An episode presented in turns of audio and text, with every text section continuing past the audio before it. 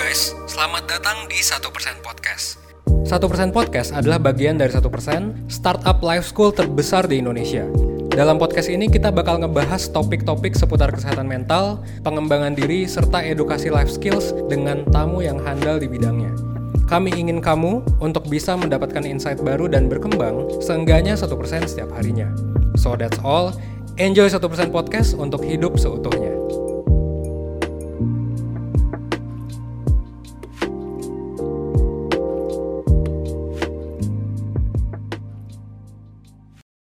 Perseners, balik lagi nih di 1% Podcast bareng Denika, Mentor 1%. Hari ini Kak Denika akan jadi host 1% Podcast untuk menemani teman-teman persener semua. Nah, seperti biasa, di podcast 1% kita akan bahas topik-topik yang menarik dan juga relate nih sama teman-teman semua.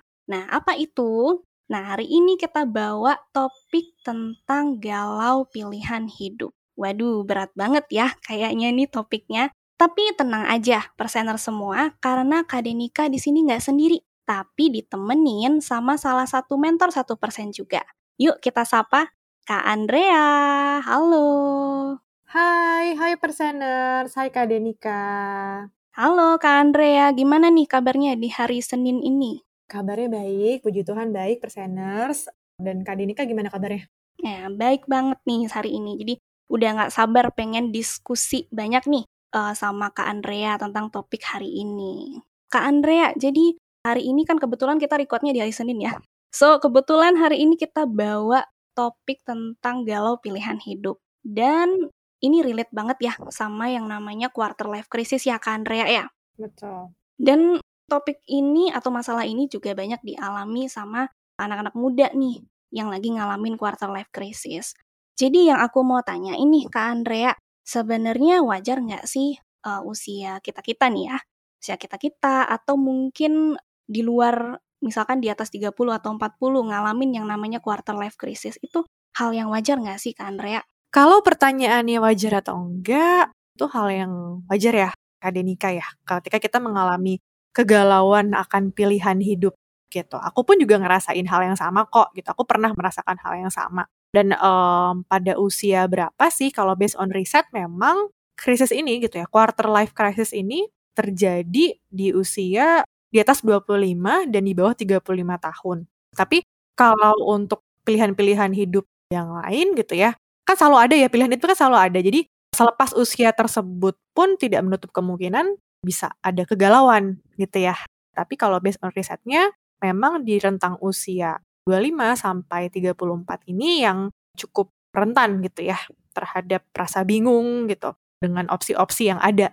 Hmm, gitu. Oke, pilihan hidup itu berupa apa aja nih kan Andrea di usia sekitar itu? Apakah misalkan Denika nih mungkin galaunya galau pilihan pasangan hidup ya, mm-hmm. misalnya mm-hmm. gitu, atau mungkin mm-hmm. pilihannya apa hanya di seputar pekerjaan saja atau yang lainnya juga nih kan Andrea? Um, yang lainnya juga dong. Berarti, um, maksudnya kayak ada macam-macam ya gitu. Ada pertemanan bisa jadi hubungan romantis, bisa jadi pekerjaan, sekolah gitu ya. Kalau misalnya based on pengalaman saya nih ya, waktu dulu selepas kuliah, saya dihadapkan oleh pilihan-pilihan saya mau meniti karir di bidang apa gitu ya. Bidang psikologi klinis kah atau psikologi industri kah atau gimana saya mau sekolah lagi atau saya meniti karir di bidang klinis atau saya coba di bidang industri gitu. Jadi macam-macam ya setiap orang memiliki pilihannya masing-masing gitu. Setiap orang memiliki opsi-opsinya sendiri gitu. Yang mana ya berbeda gitu ya satu dengan yang lainnya macam-macam. Jadi nggak terbatas pada satu topik tertentu gitu satu kasus tertentu gitu.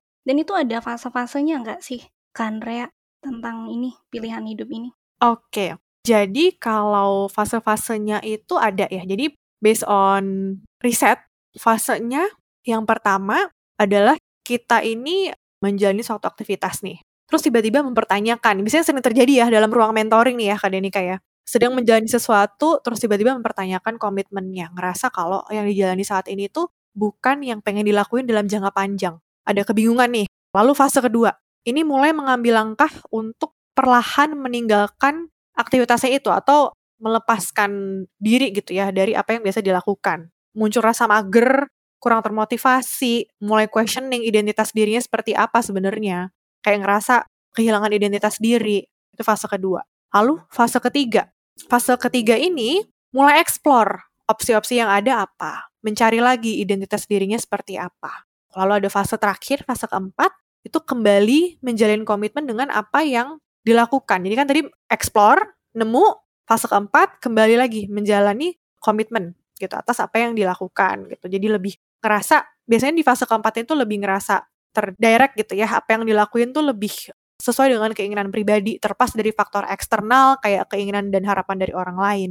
Oke, nah di antara fase-fase itu nih tadi Kak Andrea, mungkin menurut Kak Andrea, sejauh pengalamannya Kak Andrea di kehidupannya sendiri atau mungkin di menti-mentinya, di klien-kliennya, itu fase yang mana nih yang mungkin agak sulit dan agak repot nih? Biasanya di fase kedua ya, karena kan mulai muncul rasa mager, kurang motivasi, questioning identitas diri, merasa kehilangan identitas diri. Ini fase-fase bingungnya. Hmm, jadi fase bingung ya. Mm-mm. I see. Terus waktu itu gimana tuh caranya Kak Andrea biar apa ya bisa termotivasi gitu untuk mencari untuk explore. Oke, untuk kita explore, untuk kita tahu apa yang kita mau, pertama-tama ini kan karena questioning identitas diri ya. Mhm. Jadi kembali berkenalan dengan diri kita. Jadi kenal lagi sama diri kita, diri kita ini seperti apa sih? Sukanya apa? Minatnya apa? Punya skill di mana? Kenalan lagi. Kenapa? Karena kan kita mau mencari ya yang pasti seperti apa. Gimana kita bisa tahu yang pasti seperti apa kalau kita belum kenal, gitu kan? Belum kenal lebih dalam nih dengan diri kita gimana. Gitu. Jadi yang pertama dilakukan adalah kenalan lagi nih sama diri kita dulu. Kita pengennya seperti apa, orangnya seperti apa. Lalu kalau sudah tahu kita seperti apa, baru kita bisa explore opsi-opsi apa aja yang ada. Hmm, oke. Berarti gini ya, kayak tiap fase tuh punya caranya sendiri biar bisa keluar dari fase itu, biar bisa move gitu ke fase berikutnya gitu ya.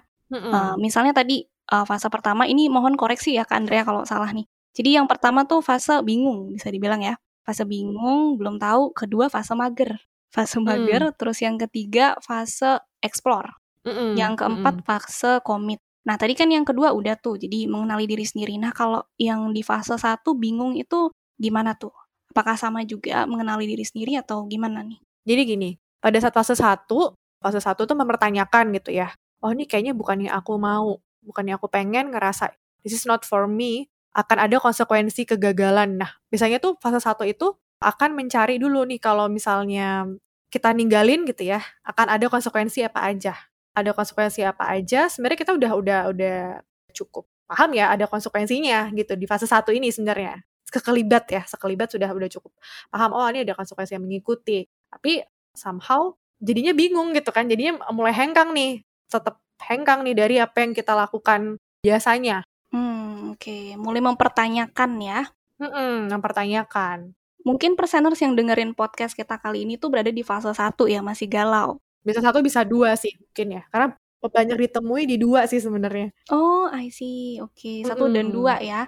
Nah, sekarang yang tiga nih, explore. Soalnya kadang gini, sejauh mana sih kita bisa explore? Apalagi mungkin perseners yang denger podcast ini usianya maybe menurut mereka sudah tidak baik untuk explore ya, kayak mungkin 25, 30, aduh udah tua, masa explore lagi? Nah, itu gimana tuh baiknya menurut Kak Andrea? Oke, kalau terkait explore kan based on eh, tadi kan kita udah kenal nih sama diri kita. Kita orangnya gimana, kita skillnya apa, kemampuannya apa. Opsi-opsinya kira-kira apa aja sih yang ada. Biasanya kalau yang saya suggest ke Menti adalah pilih tiga misalnya tiga teratas apa yang pengen kamu lakukan kira-kira ke depannya. Dari situ ditulis plus minusnya apa. Kalau misalnya opsi satu apa, opsi dua apa, opsi tiga apa. Kenapa kok tiga? Kenapa nggak banyak-banyak? Karena ya kalau terlalu banyak ya nanti bingung lagi ya. Kalau salah satunya udah nggak feel, oke. And then kedua teratas gimana? Ditimbang dari tadi plus minusnya sebenarnya selain plus minus kan juga bisa pakai SWOT ya, strength, weakness, opportunity sama threat ya. Dilihat dari situnya juga bisa. gitu. Jadi di explore dari dua opsi itu yang mana yang paling bisa diterima konsekuensi. Karena kan setiap opsi itu punya konsekuensi ya. Kayak tadi di fase satu kan kita juga bikin konsekuensi gitu ya. Oh kita nggak pengen melakukan ini dalam jangka, uh, jangka waktu panjang. Tapi apa yang kalau kita ninggalin konsekuensinya ada juga loh. Sama di ekspor opsi-opsi ini tuh kan setiap hal ada konsekuensinya. Jadi yang mana yang paling bisa kita terima ke depannya. Oh, I see. Iya. Jadi kita intinya buat prioritas gitu ya. Eh, yang mana nih yang mau kita coba terus disesuaikan juga dengan pakai teknik SWOT itu ya. Mm-mm. SWOT boleh, kalau hanya tulis plus minus juga nggak apa-apa sih. Bebas, nanti setiap orang kan punya kenyamanannya masing-masing ya. Oke, dan ini juga sebenarnya cukup berat juga ya untuk memilih, karena kalau nggak kenal sama diri sendiri tuh sulit banget nentuin tiga. Jangan kan tiga, satu aja sulit. Betul. Jadi uh, memang kuncinya adalah kita coba cari tahu diri kita dulu nih. Seperti apa kenalan lagi di situ dulu nih. Jadi setelah itu, oh oke, okay, aku lebih condong ke sini ternyata orangnya uh, begini begini begini, kelebihanku apa, skillku apa, pengalamanku gimana gitu. Baru dari opsi-opsi itu lebih mudah untuk memutuskannya. Oke, ujung-ujungnya dari sendiri lagi ya?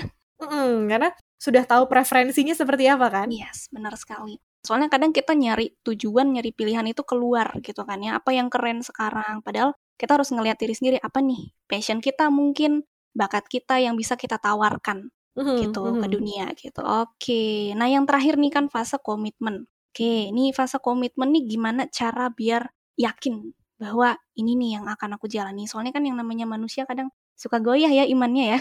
Meyakinkan itu gimana tuh? Jadi untuk merasa lebih yakin itu sebenarnya dengan cara ditulis gitu ya, ditulis tips and tricksnya ditulis. Why? Karena gini, kita sebenarnya mikirin kok ada plus ada minus, kita mikirin ini ada konsekuensi apa, ini ada konsekuensi apa. Tapi pikiran itu bukan sesuatu hal yang kita bisa lihat. Beda sama kalau misalnya kita ada kendala dalam bentuk fisik sih ya terutama. Jadi kan kita bisa cek ke dokter, kita bisa tahu oh di CT scan atau di ronsen gitu ya, ada hasilnya, dicek darah, ada hasilnya gitu. Sedangkan kalau pikiran itu kita nggak bisa bisa lihat. Orang pun nggak bisa lihat, yang tahu cuma kita. Kita pun nggak bisa lihat gitu kan. Gimana caranya supaya kita bisa lihat sebenarnya dalam pikiran kita ini apa aja dan kita menjadi lebih yakin dengan diri kita sendiri dan keputusan kita disalurkan lewat tulisan gitu. Karena misalnya nih, pikiran kita oh banyakan negatifnya. Ternyata pas ditulisin, oh banyakan positifnya. Bisa jadi kayak gitu, gitu kan? Jadi kenapa tips and tricks adalah dituliskan ya supaya lebih share aja lebih oke okay, ini benar-benar apa yang yang aku pikirin tuh di sini. Ini positif ini negatif. Tadi misalnya ini S-nya ini W-nya ini O-nya ini T-nya gitu ya. Apa-apa aja gitu. Jadi lebih share oke okay, beneran ini loh. Ini bukan mengambang-ngambang lagi loh dalam otak kita loh. Ini beneran ada loh gini loh kenyataannya gitu. Jadi dari situ harapannya proses penimbangan kita kan dalam mengambil keputusan itu kan menimbang ya mm-hmm. proses penimbangannya tuh menjadi lebih clear lebih jelas sehingga lebih yakin lebih diyakinkan ujungnya dengan oke okay, aku memilih opsi A karena begini begini begini begini begini, begini. aku tidak memilih opsi B karena begini begini begini jelas Oke, jadi menulis biar jelas gitu ya. Dan dari menulis kita juga bisa tahu, oh ternyata ini lebih sesuai, memang lebih sesuai dengan saya gitu misalnya. Lebih positif dampaknya ke depannya gitu ya. Betul, dan based on riset juga Kak Denika menulis itu ngebantu ya untuk refleksi diri, bermanfaat untuk kita bisa refleksi diri juga, meningkatkan self awareness juga. Hmm, ya self awareness ya. Ini berkaitan dengan pengenalan diri sendiri. Oke, ya bagus banget. Jadi intinya ada empat fase tadi ya. Ada fase bingung, mungkin biar pendek aja ya. Bingung, terus fase mager, fase explore, sama yang terakhir fase komitmen. Nah, untuk menjalani fase ini kan nggak mudah ya pasti ya Kak Andrea ya. Banyak lika-likunya gitu ya.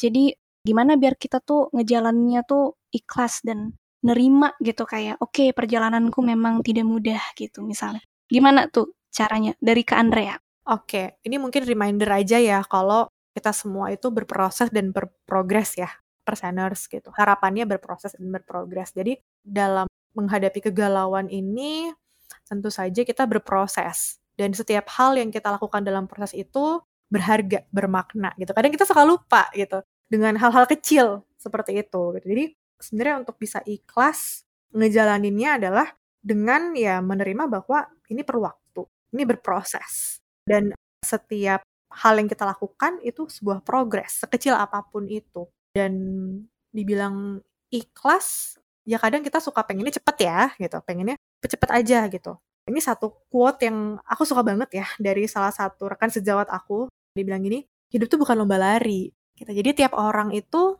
punya waktunya masing-masing punya kecepatan larinya masing-masing it's okay kalau misalnya lariku sama larinya Kak Denika nih berbeda ya gitu. Misalnya oh Kak Denika udah sampai ujung, aku masih di sini.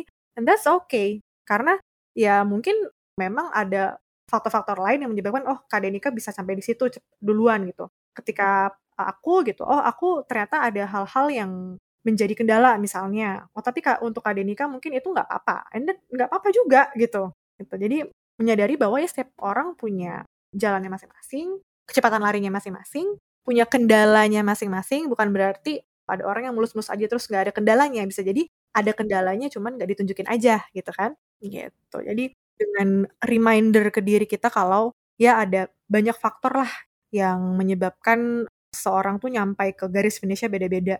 Hmm, karena arenanya beda-beda ya. Betul. Arena larinya beda-beda soalnya. Mm -hmm. Oke, mantap sekali dari Kak Andrea ya penutupnya.